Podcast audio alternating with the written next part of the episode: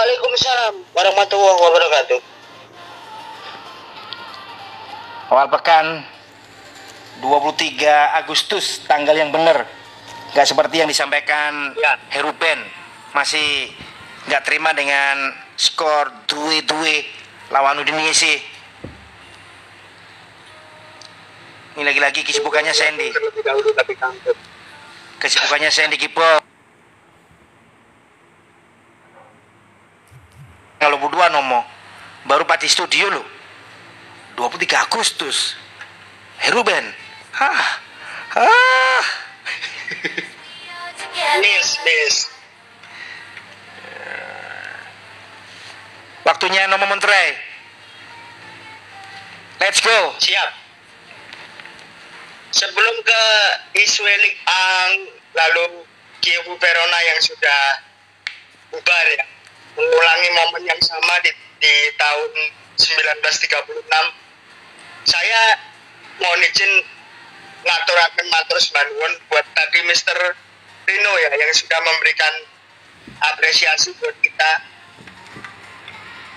Memang Pak, ini bagian dari perjuangan karena pada dasarnya kita bikin podcast juga bukan untuk mengejar pendengar yang datang dari berbagai negara, tapi tujuannya kita hanya untuk edukasi. Itu juga we start for it.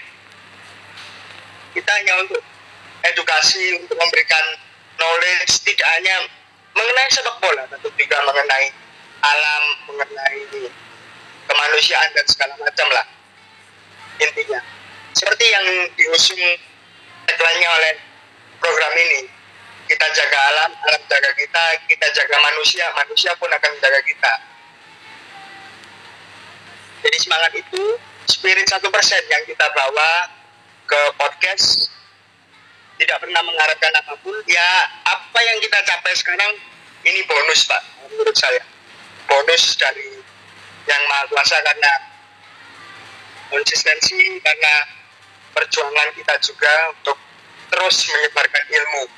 Karena sejatinya ilmu kalau dibagi-bagikan maka tidak akan pernah habis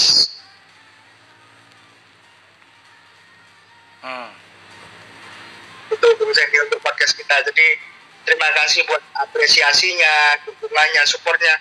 Bukan hanya untuk Mister ini ya tapi untuk semuanya saja for all listener yang sudah mendengarkan dari episode pertama sampai yang terakhir itu sudah 409 atau 408 itu saya terakhir lihat.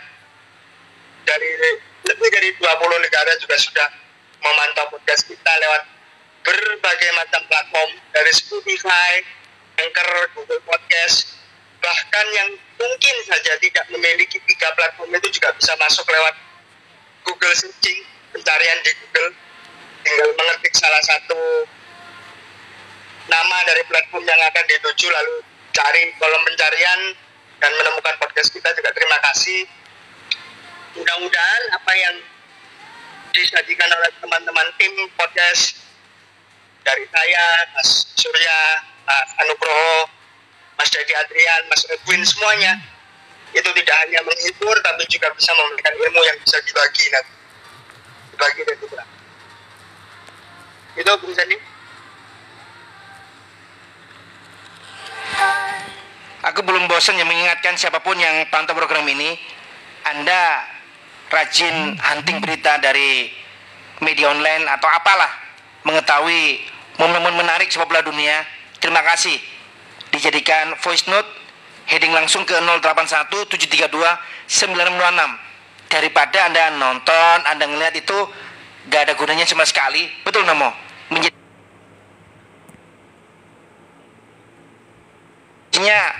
paling lama mungkin 30 menit kirim ke Seni Gibol. Siapa tahu voice note dari Anda bisa kita manfaatkan sebagai materi podcast agar apa? Agar program ini ada fasilitas yang lain podcast anti mainstream itu bisa bersaing di dunia.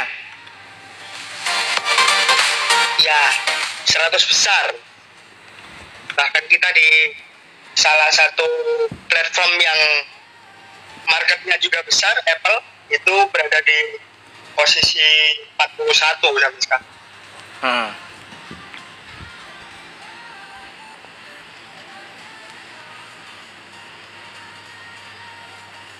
Untuk Kievo ya saya shock ya awalnya karena ini salah satu tim yang namanya mulai tenar, mulai mentereng itu sejak eranya Gigi Del sebagai Alenatore tahun 2000-2001 masih punya Nicola Allegro Tali itu yang saya ingat ya.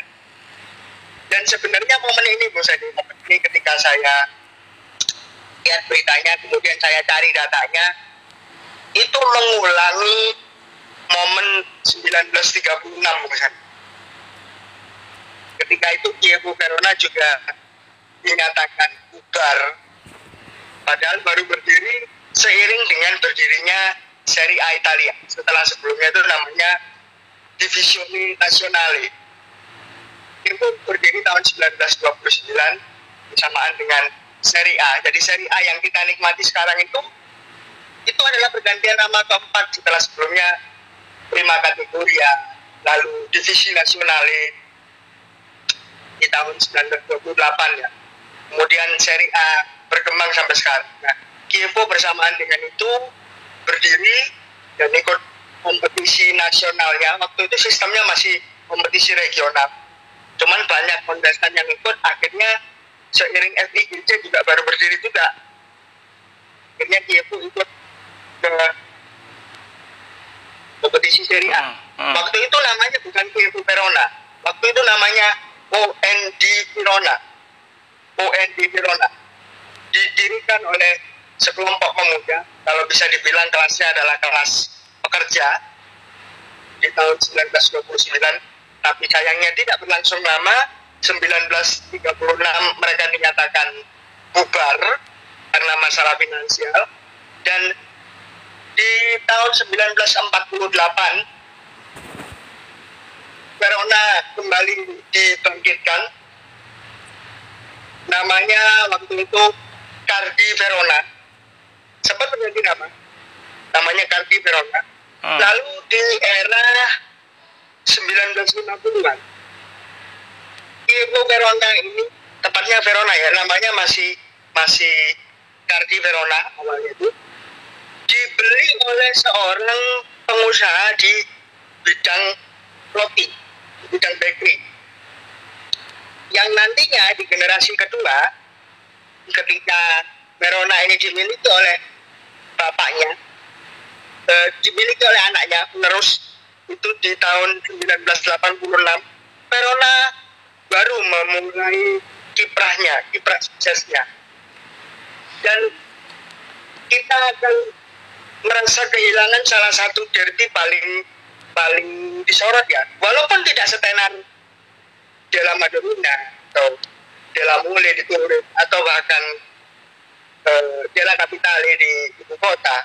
Tapi dari ini juga menjadi salah satu histori karena sebenarnya awal popularitas itu ketika Kievo dan Hellas Verona berada dalam satu divisi yang sama di akhir era dekade 90-an, tepatnya di tahun 99 kalau tadi saya baca datanya. Mark Antonio Bentegodi yang ditempati oleh Kievo Verona sebagai Umbron itu sebenarnya pada mulanya adalah markas dari Hellas Verona tim tetangganya itu yang jadi cerita unik dan derby derby Jala Scala itu sebenarnya derby yang usianya masih cukup muda ya hitungannya masih belasan tahun tapi menjadi salah satu derby yang historik karena cikal bakal Serie A itu salah satunya yang terlibat adalah tim dari kota Verona. Itu menjadi catatan saya untuk dibubarkannya Kievo dan langsung fall down ke Serie D. Ketika nanti dia mengguna, uh, berkompetisi di Serie D, seri yang paling bawah, seri amatir, tidak boleh menggunakan nama Ibu Verona seandainya bisa menemukan investor baru. Itu catatan saya.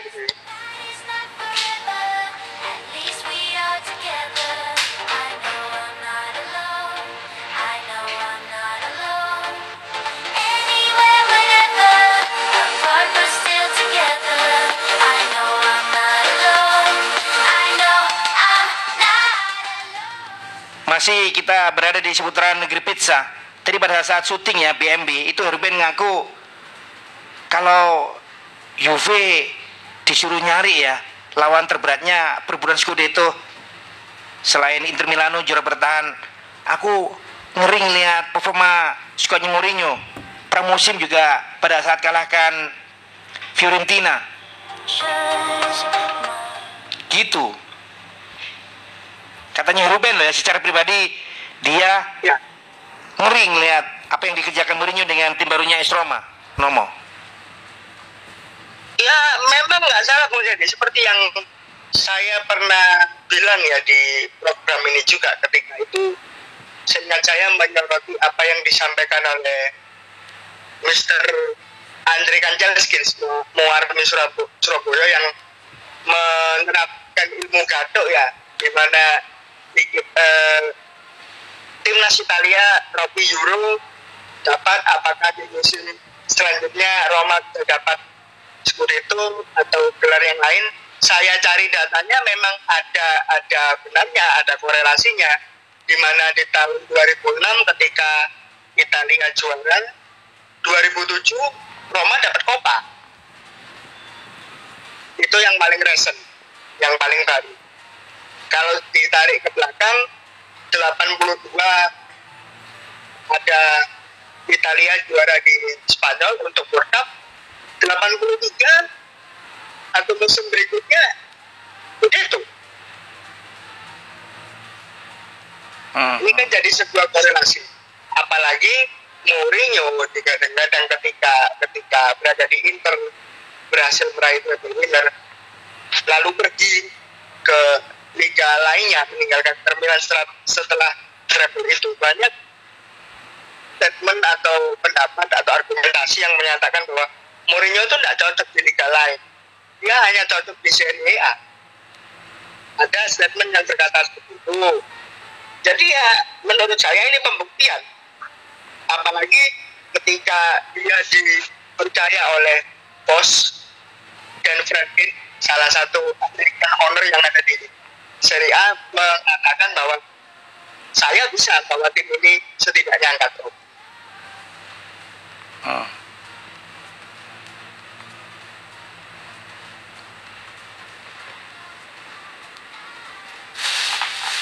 Aku lagi cari info penting Nomo. Itu semangatnya kita go green lagi-lagi ya. Terima kasih. Setelah dari teman-teman lupa aku mendadak blank. Polo Dewa. Pak Jirani Pak D Dani dengan fansnya. Ini loh mau aku baca Jawa Pos halaman 12 today kampanye Sungai Bersih. Gabungan tim rescue membentangkan bendera merah putih berukuran 10,5 meter di Sungai Ciliwung Jakarta hari Minggu. Aksi tersebut dilakukan memperingati Hari Kemerdekaan RI ke-76 sekaligus kampanye kepedulian masyarakat terhadap kebersihan sungai dari sampah. Harusnya semangat dari ibu kota ini nular ke Nusantara, terutama yang di daerahku, Sidoarjo. Sudah tidak banyak yang peduli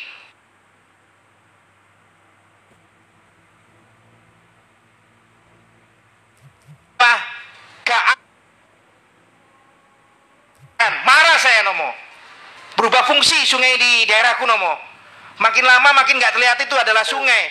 Yang terlihat adalah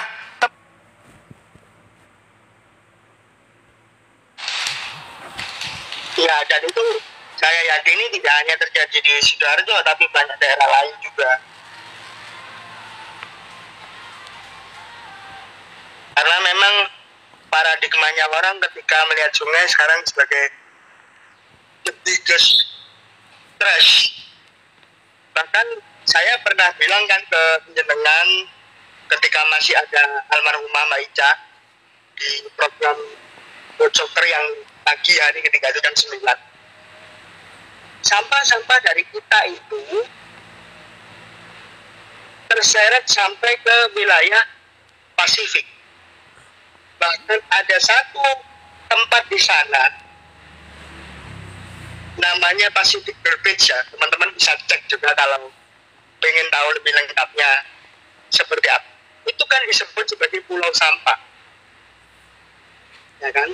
Hmm. dan sampah yang ada yang ada di sana itu bukan hanya dari kita loh berarti mohon maaf dan saya sebutkan ada sampah dari tempatnya bonek London juga di situ dari Inggris. Makanya Inggris Prancis ini menjadi dua negara utama yang menjadi tujuan impor untuk Sweden negaranya King Selatan. Karena Swedia juga menjadi salah satu uh, negeri pendaur ulang sampah yang keren di Eropa. Walaupun Inggris juga punya hal yang sama tapi saking butuhnya Swedia mereka sampai impor ke negara-negara Eropa daratan wilayah-wilayah barat seperti Inggris, Jerman dan Prancis yang memang jumlah penduduknya jauh lebih besar. Karena apa? karena kalau nggak bisa sukses menerapkan namanya zero waste yang ada di Swedia itu mereka nggak makan nggak kerja nggak makan.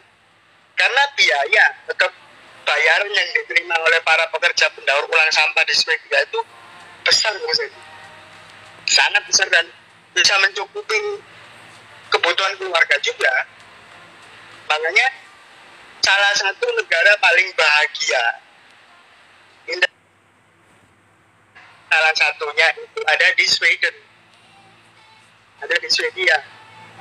Kalau kita lihat negara paling bahagia yang pertama Finlandia. Finlandia kenapa karena memang pendidikannya di sana luar biasa dari sektor pendidikan yang kedua Norway negaranya Erling Haaland dua negara ini selalu bersaing menjadi menjadi salah satu negara yang menempati posisi kapolista untuk negara paling bahagia masyarakat. Kalau Norway jelas Norway, lalu Sweden, Denmark ini menjadi negara yang bersih sekali. Negara yang bersih, negara yang membudayakan on time, lalu lintasnya juga sangat-sangat rapi. Jadi mereka mau mengunjungi bahkan menjadikan beberapa tempat di kota-kota di Swedia, di Denmark, di Norwegia itu sebagai tempat wisata tujuan utama untuk kawasan Eropa Utara, kawasan-kawasan Nordik ya, itu sebagai tujuan utama. Hmm. Jadi ya, ya itu sampahku selain kembali lagi ke kamu, sampahmu juga terseret. Kamu kan nggak tahu yang kamu lempar, sampah yang kamu lempar, itu larinya ke mana? Kalau jenengan bilang begitu, saya jadi teringat momen kita di di Demandi. Kita nemu berapa sampah itu baru daerah di Demandi. Baru area yang lepas dari kali, laut lepas itu. Nah larinya ke mana kan? Mereka-mereka yang melempar nggak tahu. Bos pokoknya tinggal plung plung plung plung gitu aja.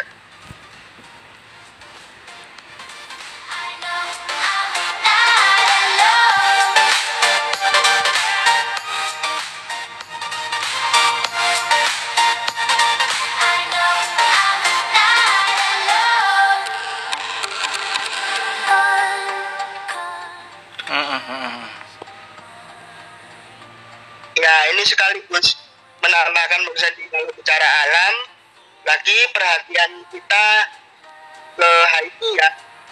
Ini makin lama kok saya makin kasihan ya sama mereka jadi Kenapa kenapa? sudah jumlah korbannya jumlah korbannya bertambah. Terakhir kali dari Sabtu jenengan siaran itu kan masih 2189 2989 yang jadi korban jiwa.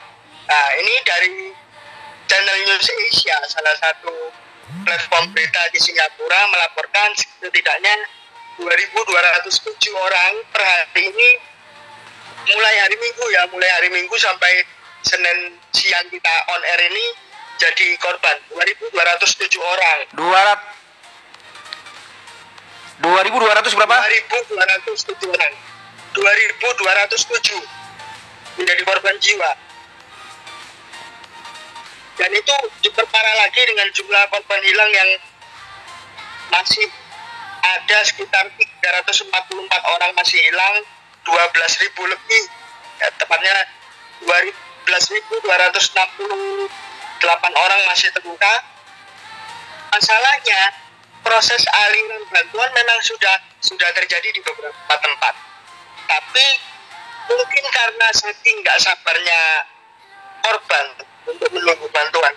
Ada penghadangan penjaraan terhadap bantuan yang dikirimkan. Ini yang bikin situasinya makin horor ya. Ada, ada penjarangan ada ada penghadangan mobil-mobil yang membawa bantuan ke arah pusat kota Haiti yang menjadi epicentrum.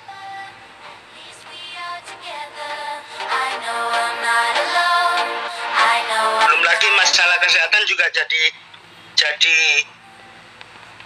masalah krusial juga di sana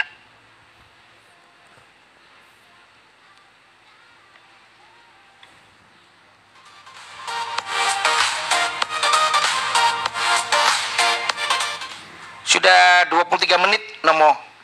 Catatan yang lain apa untuk first half kita berada di GS awal pekan.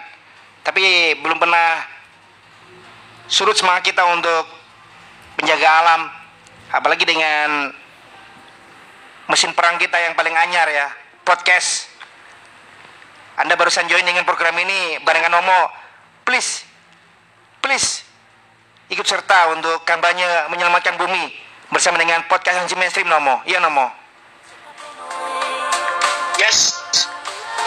Kalau jenengan tanya apa lagi, nah ini saya coba cari-cari ya, kenapa uh, Dimitri Pai lagi-lagi menjadi sasaran amukan supporter, tapi belum menemukan itu. Justru yang saya temukan adalah pernyataan Presiden T dari Marseille, Pablo Longoria yang menyatakan bahwa klub memutuskan untuk tidak melanjutkan game meskipun ada keputusan dari LFI dari otoritas sepak bola Prancis yang menyatakan bahwa game harus dilanjutkan melalui sebuah konferensi pers Longoria bilang Liga memutuskan bahwa game harus dilanjutkan tapi kami memutuskan tidak melakukannya karena safety dari pemain kami yang tidak ada garansi, tidak terjamin. Ini kedua kalinya ada kejadian seperti ini dan itu melibatkan kami. Sebelumnya ketika di Montpellier di mana kami memutuskan untuk melanjutkan setelah keputusan untuk melanjutkan itu dibuat. Momennya sama Bu Jadi ketika mereka bertandang ke Stade de la dari Montpellier itu juga ada sedikit clash ya. Dan beliau melanjutkan apa yang terjadi hari ini tidak dapat dibenarkan dan tidak dapat diterima. Kami harus menjadikannya sebagai sebuah presiden untuk sepak bola Prancis dan itulah mengapa saya dan kami semua memutuskan untuk kembali ke Marseille. Kondisi safety-nya dan statusnya masih abandon masih tertunda belum ada laporan apa-apa dari otoritas liga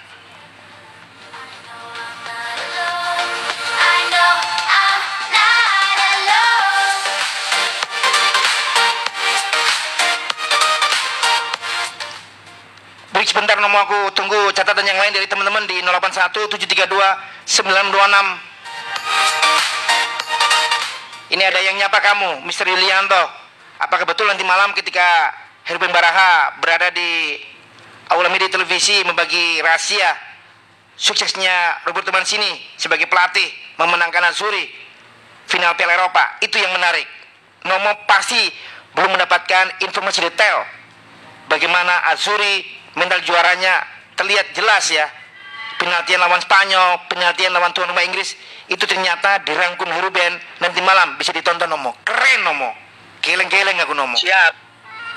Siap. Karena yang saya tahu ketika dia dipercaya oleh FGC sebagai pelatih kebetulan waktu itu yang yang menjadi juru gedornya saya bilang juru gedor ya yang mempercaya Mancini adalah seorang Billy Costa Curta itu yang saya tahu. Karena dia melihat ketika penampilan Italia sebelum dipegang oleh Mancini selalu tampilannya adalah cenderung bertahan saya pernah bilang ke Mas Edwin pernah mengatakan sesuatu mudah-mudahan pola yang diterapkan Mancini yang lebih impresif, lebih determinasi, ini bisa membawa kita positif ke Serie A Italia yang dipandang orang sebagai liga dengan permainan yang dinikmati dengan cara jalan kaki. Jadi liga tunggu-tunggu kalau bahasa bahasa Jawanya. Tapi dengan tampilan kemarin Italia di Piala Eropa, mulai dari game pertama bertemu Turki hingga game terakhir, itu mudah-mudahan bawa dampak positif untuk Serie A bisa merubah image-nya, bisa merubah citranya. Bukan lagi sebagai liga yang membosankan, yang kurang enak ditonton dari segi gamenya. Itu menjadi game yang menarik. Game yang menarik untuk ditonton. Dan terbukti banyak gol sudah tercipta. Setidaknya ada beberapa tim yang satu gamenya itu tercipta sampai 4 gol. Inter, lalu Lazio, Roma, Juventus walaupun dua-dua tapi totalnya juga sudah 4 gol. Tinggal Spezia dan juga gamenya Sampdoria Milan sebagai dua game penutup nanti. Itu menjadi 27 menit cukup lah ya untuk kita jadi materi podcast anti mainstream awal pekan. Nanti kembali dengan catatan yang lain. Second half with Nomo Menterai. Terima kasih. Turun minum Nomo. Dan ke. Dan ke. Dan ke. Gitu ya,